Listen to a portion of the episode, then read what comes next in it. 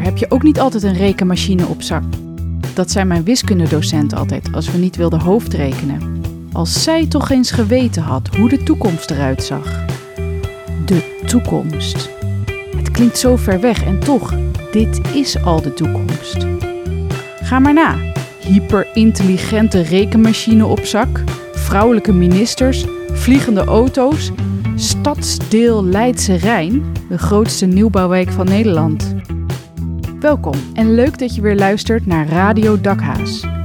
Ik ben Sterre en deze maand hebben we een gloednieuw thema voor je: de toekomst. Want er is weer een nieuw magazine van de Dakhaas uit. In samenwerking met Raum verscheen 3 mei het nieuwe nummer. Dus zit deze podcast ook vol met toekomstmuziek. Eerst neem ik je nog even mee naar het lanceringsfeest van die nieuwe dakhaas. Deze keer was het feestje in Raum, het openbare expositieplein van Utrecht op het Berlijnplein.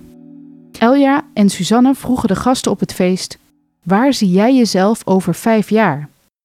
En hoe gaat het dan met de stad? Donika Buisman en ik ben de directeur van Raum. Ik denk dat mensen over de jaren, decennia, eeuwen heen hetzelfde blijven en dezelfde wensen houden. Uh, dus mensen willen het liefst gewoon een fijn leven, prettig samenleven met hun buren, leuke dingen kunnen doen, een fijne leefomgeving voor hun kinderen.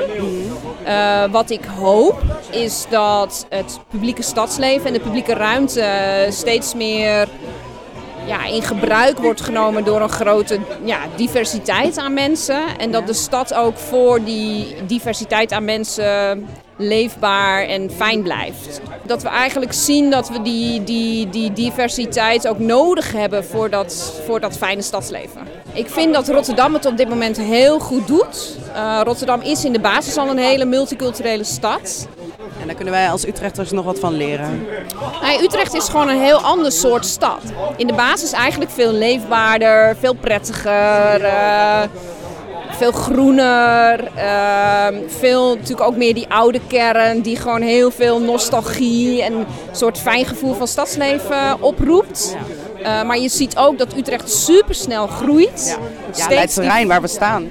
Ja, dat is... Ja, het, 20 jaar. Ja, dat, ik denk... Ik weet het niet zeker. Volgens mij is het ook het snelst groeiende stadsdeel uh, van Utrecht. Sowieso woont hier straks een vierde van de bevolking van Utrecht. Het is de helft van de oppervlakte van de stad Utrecht. En hier bij Raum zitten we ook in het geografische centrum van Utrecht. Dat vind ik ook heel grappig, hè. Dus als je naar ja, het centrum zoals mensen dat zien kijkt. En ja, dat ligt eigenlijk aan de buitenkant van de stad. Dat is, voor mij was dat ook een openbaring. Ja, hoe maak je het dan ook daar? Zeker in zo'n totaal nieuwe stad als Leidse Rijn, Centrum, waar eigenlijk het, de ou, het oude gevoel, de geschiedenis bijna verdwenen is. Hoe maak je dan met elkaar nieuwe geschiedenis? En uh, wij hebben er ook heel veel plezier in om uh, daarmee bezig te zijn. Maximus Dakhaas, de bedenker van het Dakhaasbiertje. Waar zie ik mezelf over vijf jaar?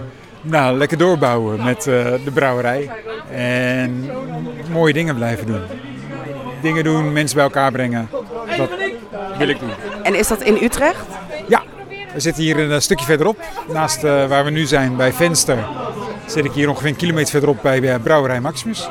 Wat denk jij dat er verandert aan Utrecht? Utrecht blijft groeien, wordt toeristischer. Uh, wordt steeds meer van vroeger, zeg 20 jaar geleden, was het meer een dorp. En het wordt steeds meer. Uh, Utrecht wordt steeds trotser op zichzelf. Ja. Het gaat nu heel snel, toch? Nee, daar ben ik het niet mee eens. Dat, dat, denken we altijd. En dingen gaan niet zo snel als dat we hopen. Of hopen of denken. Nou, uh, we staan hier buiten met uh, Friso. Hoi. Hoi. Friso, waar ben jij over vijf jaar? Waar zie jij jezelf over vijf jaar? Lastige vraag. Uh, nog steeds in Utrecht, sowieso denk ik. We hebben een koophuis, dus ik denk nog steeds in het koophuis.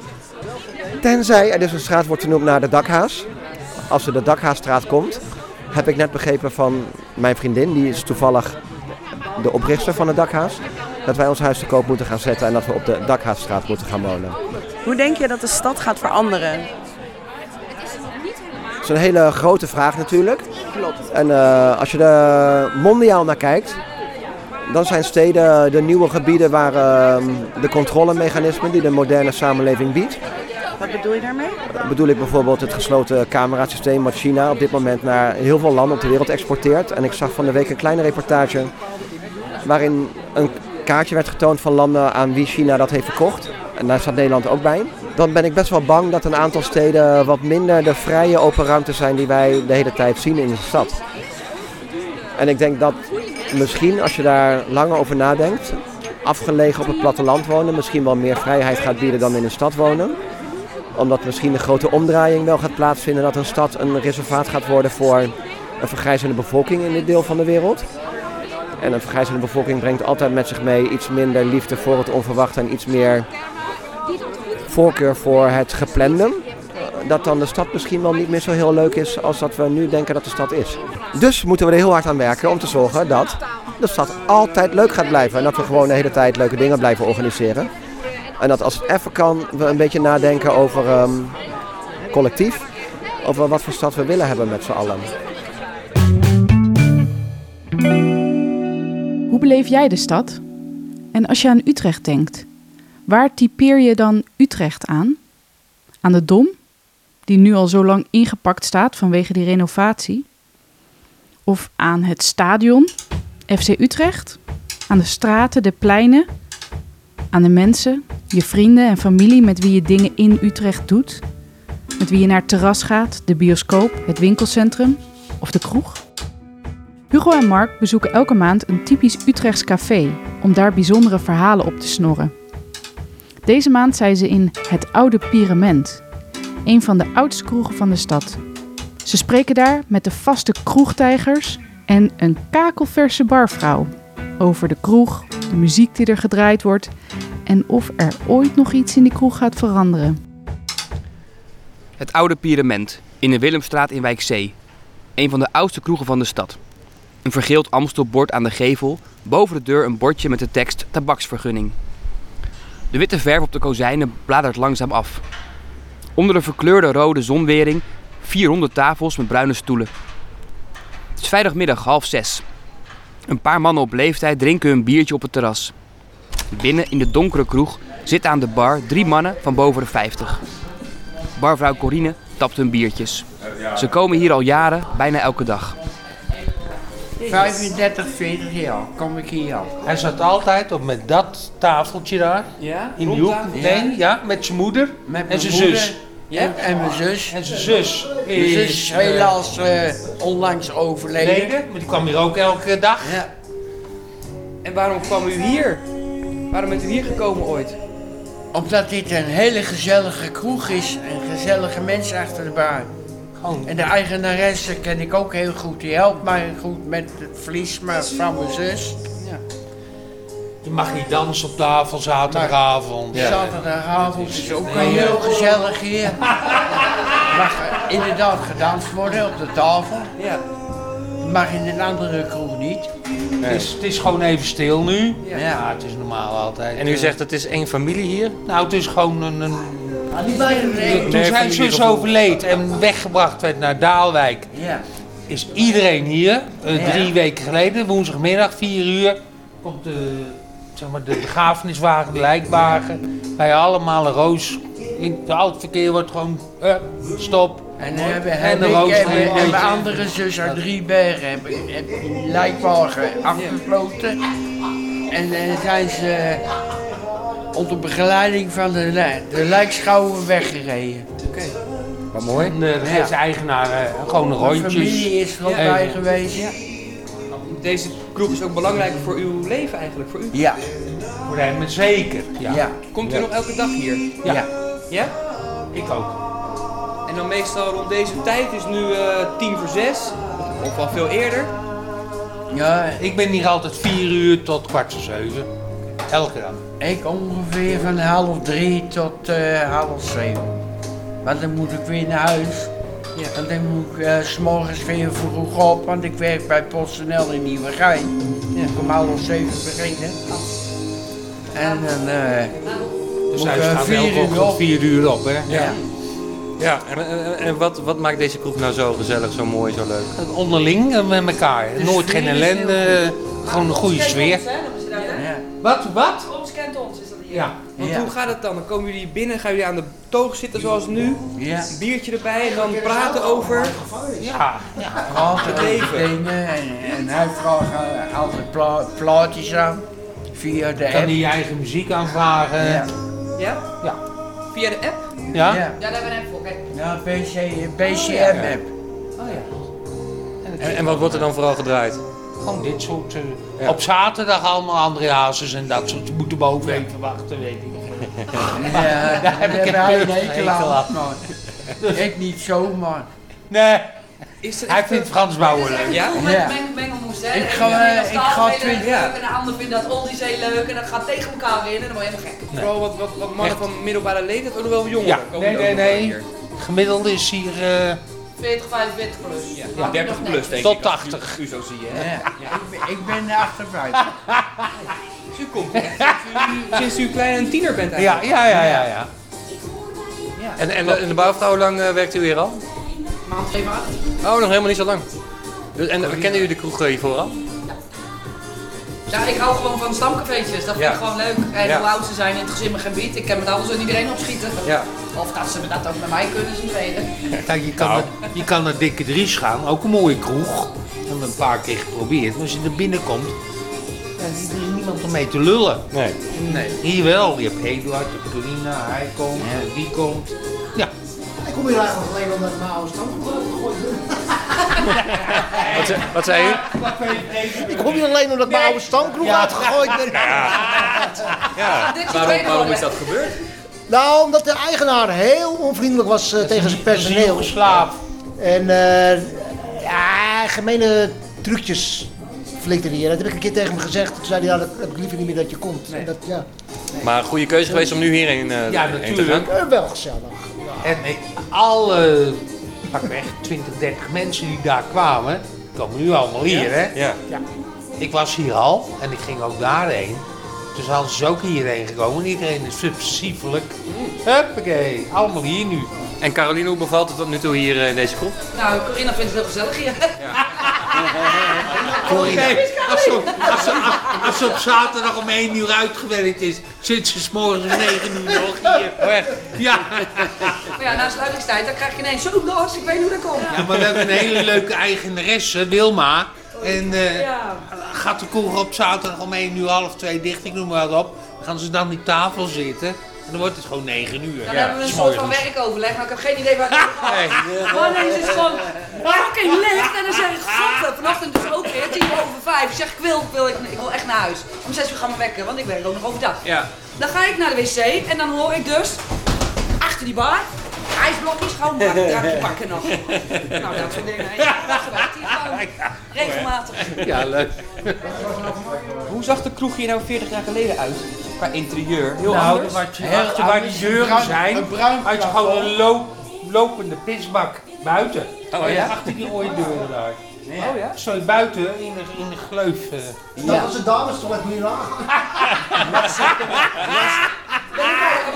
is ook een bruin plafond, helemaal bruin plafond met asbest. En hier staat een hele, hele grote toog. Die hebben ze later weggehaald. En het bruine plafond is ook weggegaan. Die hebben ze, ver- ze moesten een half jaar dicht wegens omstandigheden. Hebben ze gelijk de zaak verbouwd. Totdat het nu zo is. Hoe zou- het nou er zo uitziet. Hoe zou de toekomst zijn van deze kroeg? Ik hoop hetzelfde. Ik denk dat je dit niet moet veranderen. Nee. Nee. De insteek is ook gewoon, hou- dit gewoon de huiskamer zoals dat is. Ja. Zal het ook zo blijven? Want je ziet wel, Ja, de, de leeftijd wordt die wat ouder dan van de bezoekers? Of komen er ook wel weer jonge mannen Ik bij? denk die mensen- uiteindelijk met de tijd, met alle respect voor deze mensen, maar die, worden, die, die gaan ook geen 50, 60, 70 jaar meer mee natuurlijk. Dus uiteindelijk Nee, krijg je jij wel. eh, nee, nee, nee. Dus dan ga je ook wel een andere generatie krijgen natuurlijk. Die komen ook wel weer, denk je, in de toekomst. Ja, dat denk ik wel. Ja. Ik denk dat dat goed is.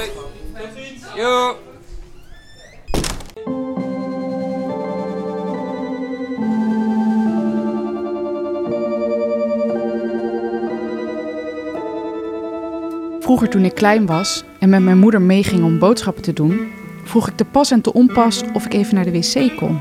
In een winkel, op het station, bij kennissen En één keer heb ik het zelfs zo bond gemaakt dat toen we midden op straat stonden, ik echt, echt, echt naar de wc moest, we bij een wild vreemde hebben aangebeld. Nou, op die manier zag ik allerlei verschillende toiletten. En wat mensen allemaal doen met die toiletten? Hele werelden hangen er. Scheurkalenders, beeldjes, kaartjes, verjaardagskalenders, posters en allerhande toiletaccessoires natuurlijk. Annelies hield toen ze klein was ook zo van een vreemde, nieuwe omgeving. Ze ging niet naar de wc bij vreemden. Nee, zij durfde zelfs uit logeren te gaan. En dat doet ze dus nog steeds. In maart sliep Annelies een nachtje in The Artist in Residence van Raum. Ze dacht dat ze vanuit het dakraam naar de sterren kon kijken. En dat dit nachtje logeren haar toekomstroom om in een tiny house te wonen misschien wel zou versterken. Maar het liep toch een beetje anders.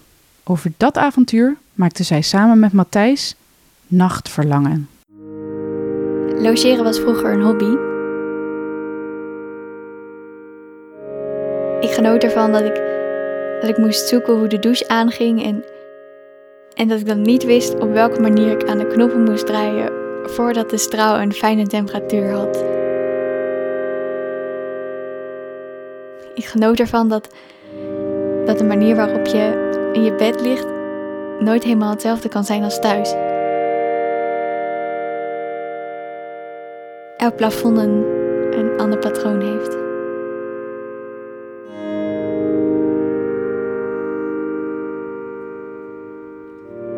Ik, kijk door het dakraam naar het, naar het licht achter de raampjes van de trein. Naar het kunstwerk dat in witte en rode lichten aangeeft hoeveel auto's, motors en vrachtwagens er passeren in de tunnel ondergronds. Ik probeer te achterhalen wie wie inhaalt. In de 24 uur dat ik hier zal zijn, passeren er ongeveer 65.000 voertuigen richting Amsterdam en Den Bosch. Mocht ik, mocht ik werkelijk denken alleen te zijn, moet deze gedachte me maar geruststellen.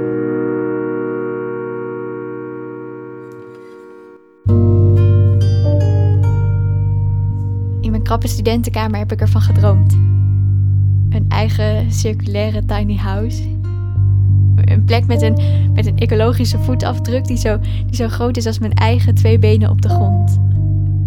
Een plek waar zelfs het composttoilet naar rozen ruikt. Hier legt een Deense handleiding me uit dat er twee vakken zijn. Eén voor alles wat vloeibaar is en één met zaagsel voor de rest. Duidelijkheid, focus, rust.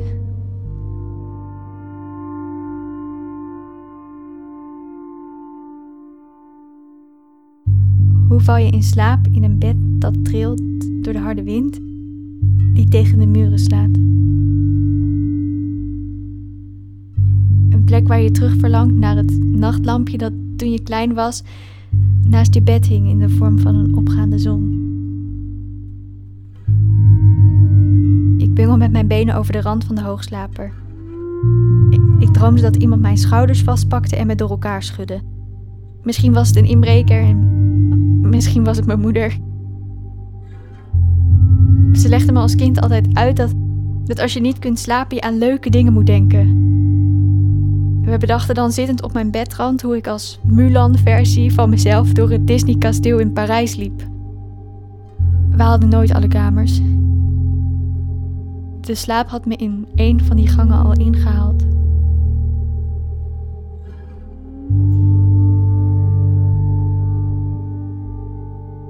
Hoe val je in slaap als je, als je zeker denkt te weten dat er iemand rondjes loopt op het plein?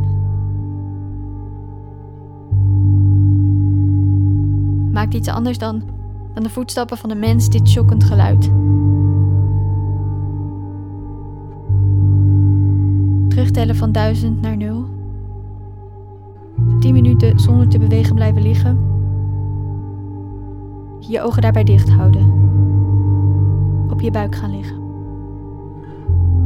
Het licht maar weer aanknippen om het signaal af te geven dat hier iemand is. Naar het klapperen van vlaggen tegen masten luisteren. spinvis aanzetten om iets bemoedigends te horen. Krie, krie, krie, ik zing u met plezier in slaap, staat er in de spreekwolk van een getekende krekel op mijn kussensloop. Krie, krie, krie, en alles is goed. En alles is goed. Zolang gordijnen maar waaien en boeken maar wachten, ik de zon vanuit mijn bed zie opkomen. Hoe laat komt die fucking zon op? Nachtwinkel, nachtwinkel, wat mag het wezen? vraagt de bakkersvrouw. Twee croissantjes graag. Met kleine oogjes wandel ik van het verlaten winkelcentrum terug naar mijn bebloemde huisje. Vogelgeluiden geschilderd op de wanden voor, voor het geval dat echte vogels ontbreken. Ik kijk naar de hazen die de wacht houden op het paviljoen. Met ontspannen oren kijken ze over het plein. Ook ik laat mijn oren ontspannen. Hopend dat ik bij daglicht eindelijk in slaap zal vallen.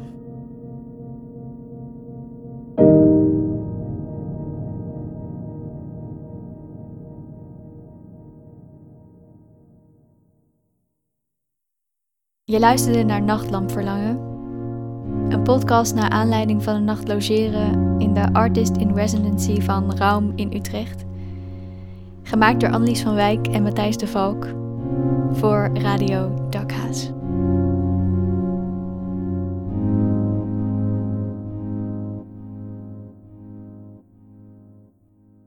Als het over de toekomst gaat, dan moet je bij de jeugd zijn. En dus ging Jolijn te raden bij die jeugd. Hoe ziet de stad er in de toekomst uit? En ik denk wel ook dat als je nog buiten speelt, dat het een beetje gevaarlijk wordt. Want dan is er misschien wel, misschien. Want heel veel mensen proberen dan een beetje, ik noem het nu heel even anders, te spelen met de zwaartekracht dat je kan vliegen. En misschien wordt het dan een beetje gevaarlijk van dat je dan misschien iemand op je landt. Hoi, ik ben Jolijn Zwart, theatermaker uit Utrecht. En ik ben heel benieuwd hoe een stad als Utrecht er over 30 of 40 jaar uit zal zien. Ik stel mezelf zo voor dat er op het stadskantoor en in het provinciehuis een kamer vol met keurig geklede dames en heren rond een tafel zit en zich hetzelfde afvraagt. Hoe ziet Utrecht er in de toekomst uit? En precies dat vind ik een beetje vreemd, want die dames en heren zijn in de toekomst al hartstikke oud, of misschien wel dood. Die hebben niet zoveel meer aan spannende nieuwe ideeën over de toekomst. Wat mij betreft kan je beter met de toekomst zelf overleggen. De kinderen van nu, die over 30 of 40 jaar hun eigen kinderen naar school brengen in Utrecht. Ik sprak met een groep van mijn theaterleerlingen over hoe de stad er in de toekomst uit gaat zien. Een gesprek over robots, vliegende, nou, eh, alles en of de domtoren nog wel zal blijven bestaan.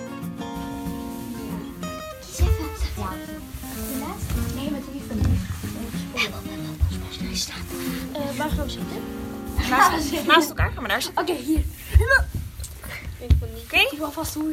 Wie heeft er een antwoord op de vraag hoe Utrecht er over een jaar of 30 of 40 uit zou zien? Ehm, vliegende auto's. Dus ook vliegende snackbars en vliegende alles. Ja. Vliegende auto's, raketten, eh, jetpacks, Iron Man pakken en dat soort dingen. Hij dacht ook eh, vooral aan zwevende dingen. Bijvoorbeeld eh, flats en eh, wolkenkrabbers die dan zweven in de lucht. En dat, je, dat de wegen zweven. Ik denk dat je dan nog niet eh, telepathie, zeg maar, dat je kan teleporteren, maar dat, je, dat ze wel net bezig zijn met eh, dat ze het kunnen doen. Denk je dat je nog met een heel snel vliegtuig of zo ergens naartoe gaat? Misschien zijn er dan wel huizen op Mars. Of op de maan. En dan kun je zeg maar met een raket daarheen gaan. Dat iedereen gewoon een raket in zijn tuin heeft staan. Handig. Ja, en of zwevend kan ook nog. Misschien krijg je een jetpack. Moet je daar eerst voor een, eh, vanaf je negen, vanaf je 16 mag je een jetpack besturen, net zoals nu een scooter. Eh, net zoals in New York allemaal schermen op alle winkels en dat soort En nou, hele grote wolkenkrabbers. En wat zit er dan in die wolkenkrabbers? Een hele grote sauna en allemaal snackbar. Eigenlijk hele leuke dingen. Vooral geen stomme dingen. En wonen er ook mensen in die wolkenkrabbers? Ja, ja? ik. Jij? Jij wil daarin wonen? Ja, ik heb een heel groot huis. Alle grachten zijn verdwenen. Oh. Hebben ze gesloopt. Omdat ze waren onnuttig. En over 40 jaar vinden ze alleen nog maar nuttige dingen. Is de Domtoren er nog? Nee! Waarom niet? Nou, omdat ehm, dan is het veel moderner. Dan komt er een soort van, net zoals in New York, zulke dingen. Dan komt er geen domtoren meer. Dat is te ouderwets.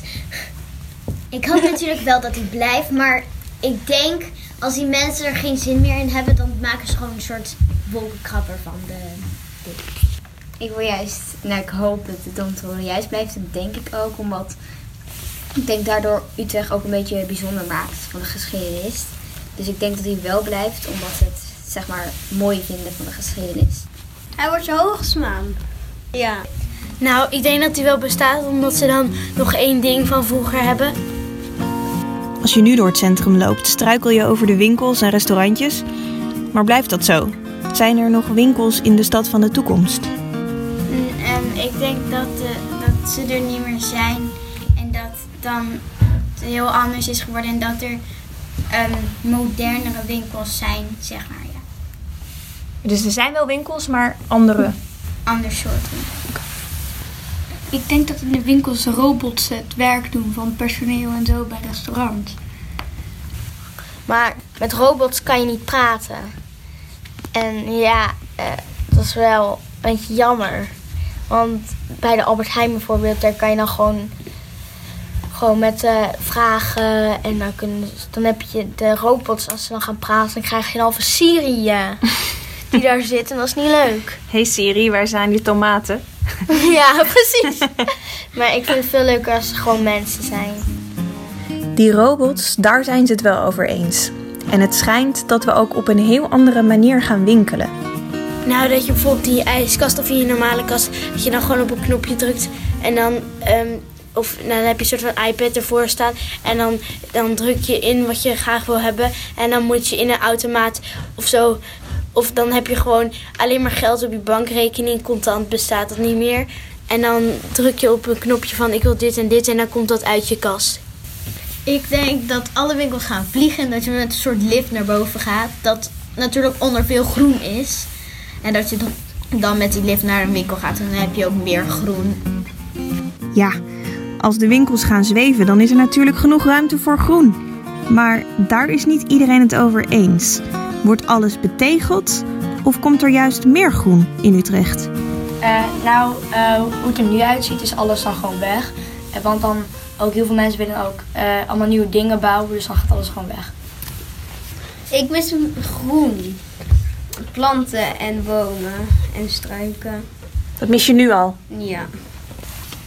Nou, eh, heel veel mensen hebben plannen om dingen af te zetten dat, dat je daar niet mag kappen. Dus ik denk dat er nog wel veel, dat er juist meer groen komt. Ik denk ook dat er meer natuur komt juist, omdat ehm, het is eh, wel goed en dan kan je ook zeg maar veel meer buiten spelen, want nu in de stad heb je niet super veel plek. En dan misschien wel. Oké, dus eh, er wordt nog wel ook buiten gespeeld over 40 jaar. Mm, Ja, denk ik wel. Nou, ik denk juist dat er mm, minder groen komt en dat er meer huizen komen. En wat vind je daarvan? Nou, ik, ik vind het juist goed als er juist meer groen komt. Om dan kunnen, kunnen kinderen ook meer buiten spelen. Omdat nu zitten de meeste kinderen op een scherm. Maar, maar eigenlijk moeten ze juist naar buiten. Ik denk dat ze zeker zullen proberen meer groen te laten, maar ik denk niet dat er minder groen komt. Uh, ik denk, ja, er komt sowieso altijd wel minder groen en natuur uh, door de vervuiling en alles. Maar ik bedoel meer, ik denk wel dat, er, dat ze proberen er meer van te maken. Omdat, ja, dat is op dit moment wel, een van de grootste punten als je het hebt over de hele wereld waar de mensen het meest over nadenken. De regering is vaak wel het milieu.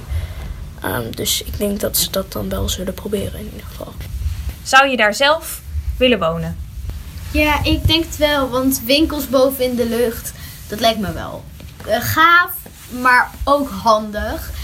En als de winkels dan allemaal omhoog gaan, dan kan ik veel meer buiten spelen, zoals op de trampoline. Want wij hebben heel weinig plaats, omdat er ook nog andere eh, winkels zijn. Eh, nou, wat ik eigenlijk denk is nee. Ik zou er niet willen wonen, want ehm, je hebt er ook geen ruimte voor je gevoel, geen frisse neus. Ja, ik kan er gewoon niet tegen. Ehm, nou, ik wil liever niet zeg maar in zo'n stad wonen, want ik hou ook best wel veel van natuur. En dan, ik wil ook wel een grote tuin. Alleen dan zou ik wel af en toe naar de stad gaan, net zoals ik nu doe, om zeg maar te shoppen en zo. Nou, ik vind het, nou, ik zou niet echt, ja, het lijkt me wel leuk om in de stad te wonen, maar ik vind de stad zoals het nu is juist heel leuk, omdat het echt wel echt iets, iets Nederlands is. En de grachten vooral, dat zijn ook echt Nederlandse dingen. Tot slot was ik benieuwd wat zij vinden dat de volwassenen niet moeten vergeten in hun plannen voor de toekomst. Dat de natuur blijft. Ja, dat. Nou, ik hoop vooral eh, veel elektrische auto's, want dat is ook beter voor het milieu. Maar ik denk het wel, want ja, ze zijn er nu al mee bezig. Nou, ik denk dat ze ook echt naar de kinderen moeten luisteren. Omdat, ja, de kinderen zijn wel... Die hebben heel veel creatieve ideeën. Ehm, ik denk dat ze als kind meer creatieve, veel meer rare ideeën heeft. En dat misschien wel gaat werken. Bijvoorbeeld vliegende gebouwen. Als, da- als ze dat voor elkaar krijgen, is het misschien wel door een kind bedacht. Dat is eigenlijk wel een beetje eh, een kindsdroom. En hoe kan je ervoor zorgen dat de volwassenen die, er nu, die daar nu over nadenken ook jullie ideeën meenemen? Nou, wij hebben op school een leerlingenraad. Maar dat dat eigenlijk een Tweede Kamer is, maar dan Tweede Kamer junior. Dat er ook nog gewoon een, een volwassene als, nou gewoon een kind als voorzitter. En gewoon allemaal, allemaal ehm, kinderen die gaan overleggen. En dat gaat dan naar de Tweede Kamer van de mensen. En die overleggen dan die ideeën. Wordt Utrecht inderdaad een soort tweede New York? Met lichtreclames op wolkenkrabbers en robots die je gaan bedienen? Als het aan hun ligt wel. En die kinderraad, dat lijkt me een uitstekend idee. Dus als er iemand van de gemeente luistert. Ik ben best blij met Utrecht zoals het nu is. En de dom, daar mag niemand aankomen natuurlijk.